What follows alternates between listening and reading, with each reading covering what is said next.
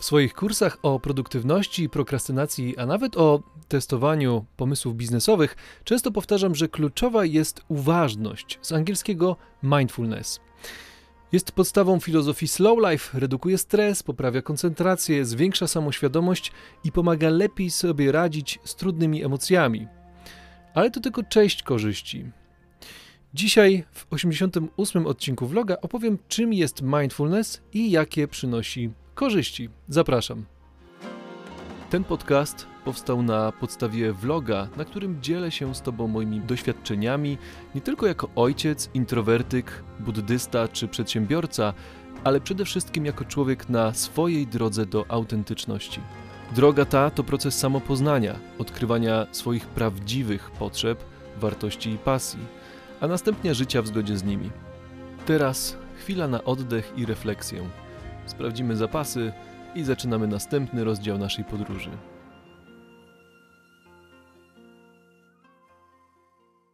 Zamiast przytaczać jakieś mądre definicje pojęcia mindfulness, powie, pozwól, że użyję pewnego porównania. Myśli są jak pociągi, zatrzymują się na stacji świadomości, a ty możesz zdecydować, czy wsiadać do nich, czy też nie. Między bodźcem a reakcją jest pewna przestrzeń, w której możemy podjąć świadomą decyzję i zmienić nasze nawykowe działania. Mówiłem o tym w 74. odcinku vloga o y, kręgu wpływu i kontroli. Przykładowo, ktoś przychodzi do nas i prosi nas o coś. Na przykład, podwieziesz mnie na lotnisko? To jest ten bodziec. Teraz naszą reakcją jest to, co my z tym zrobimy.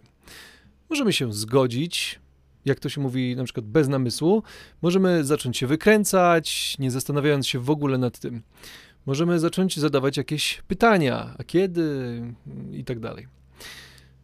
Tak czy inaczej reagujemy jakoś i często reagujemy automatycznie, bez namysłu właśnie.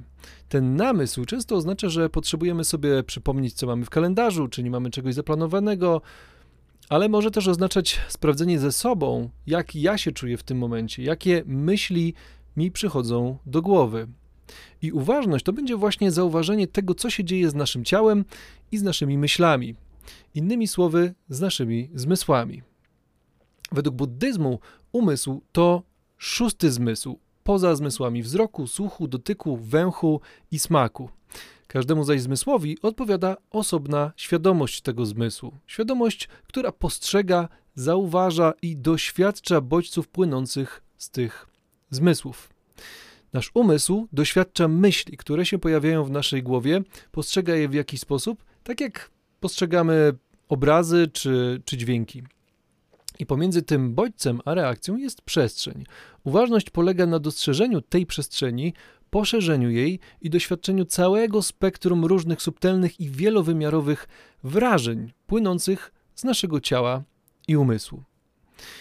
Im większa ta przestrzeń, im większa świadomość tego, co dzieje się z nami tu i teraz, tym łatwiej nam jest zrozumieć, skąd biorą się nasze myśli i emocje.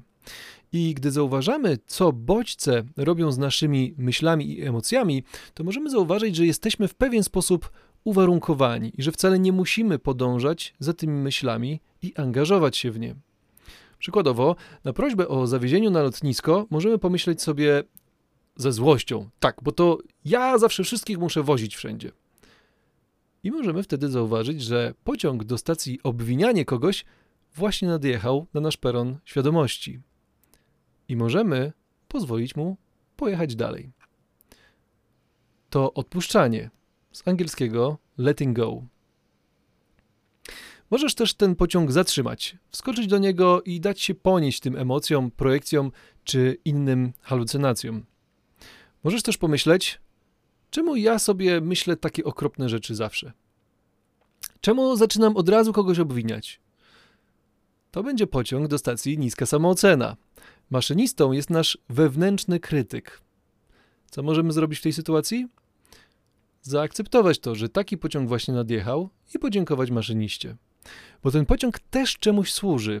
Wewnętrzny krytyk ma nas chronić przed czymś ale nie musimy do tego pociągu wsiadać. Uważność będzie więc pomagała rozpoznać poszczególne pociągi. I wspomniałem już o akceptacji. Wraz z życzliwością do samego siebie są bardzo ważnymi aspektami praktyki uważności. Dzięki nim będziemy mogli pozwalać odjeżdżać tym pociągom, nie angażując się w, w te wszystkie nadjeżdżające myśli. Możemy obserwować je raczej z daleka, z ciekawością, otwartością, wiedząc, że nasz umysł tak właśnie działa. A skąd ta wiedza? Właśnie z praktyki uważności, która pozwala zrozumieć mechanizmy funkcjonowania naszego umysłu.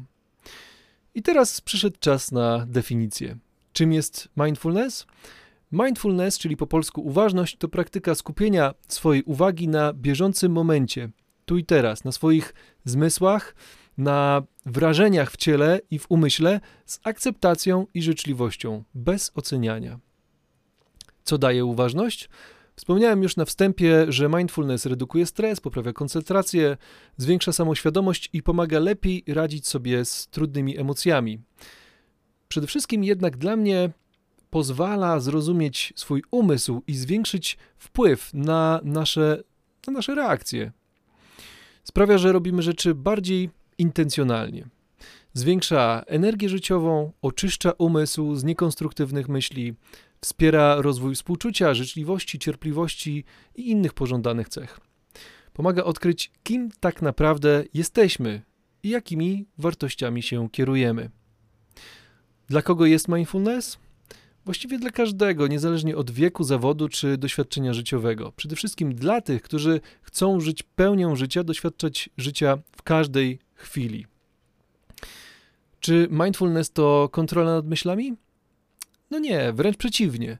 To właśnie odpuszczenie sobie potrzeby sprawowania kontroli. To pozwalanie myślom przepływać, odpływać, przypływać bez oceny, bez gonienia za nimi, bez uciekania też od nich. To akceptowanie, że takie myśli się pojawiają, to jedna z rzeczy, która właśnie ta praktyka uważności tego nas uczy, tej akceptacji. To może być trudne, bo za tymi myślami często idą emocje, ale to właśnie dzięki temu jesteśmy w stanie lepiej siebie poznać, podejmować lepsze decyzje i bardziej w zgodzie z nami. Czym różni się mindfulness od medytacji? Właściwie to ja nie dostrzegam istotnych różnic. Z mojego punktu widzenia, mindfulness to pojęcie często używane na zachodzie, aby odróżnić to od praktyk takich duchowych i zwiększyć szanse na właściwie zaakceptowanie tego pojęcia wśród y, pacjentów i klientów jako takiej metody terapeutycznej.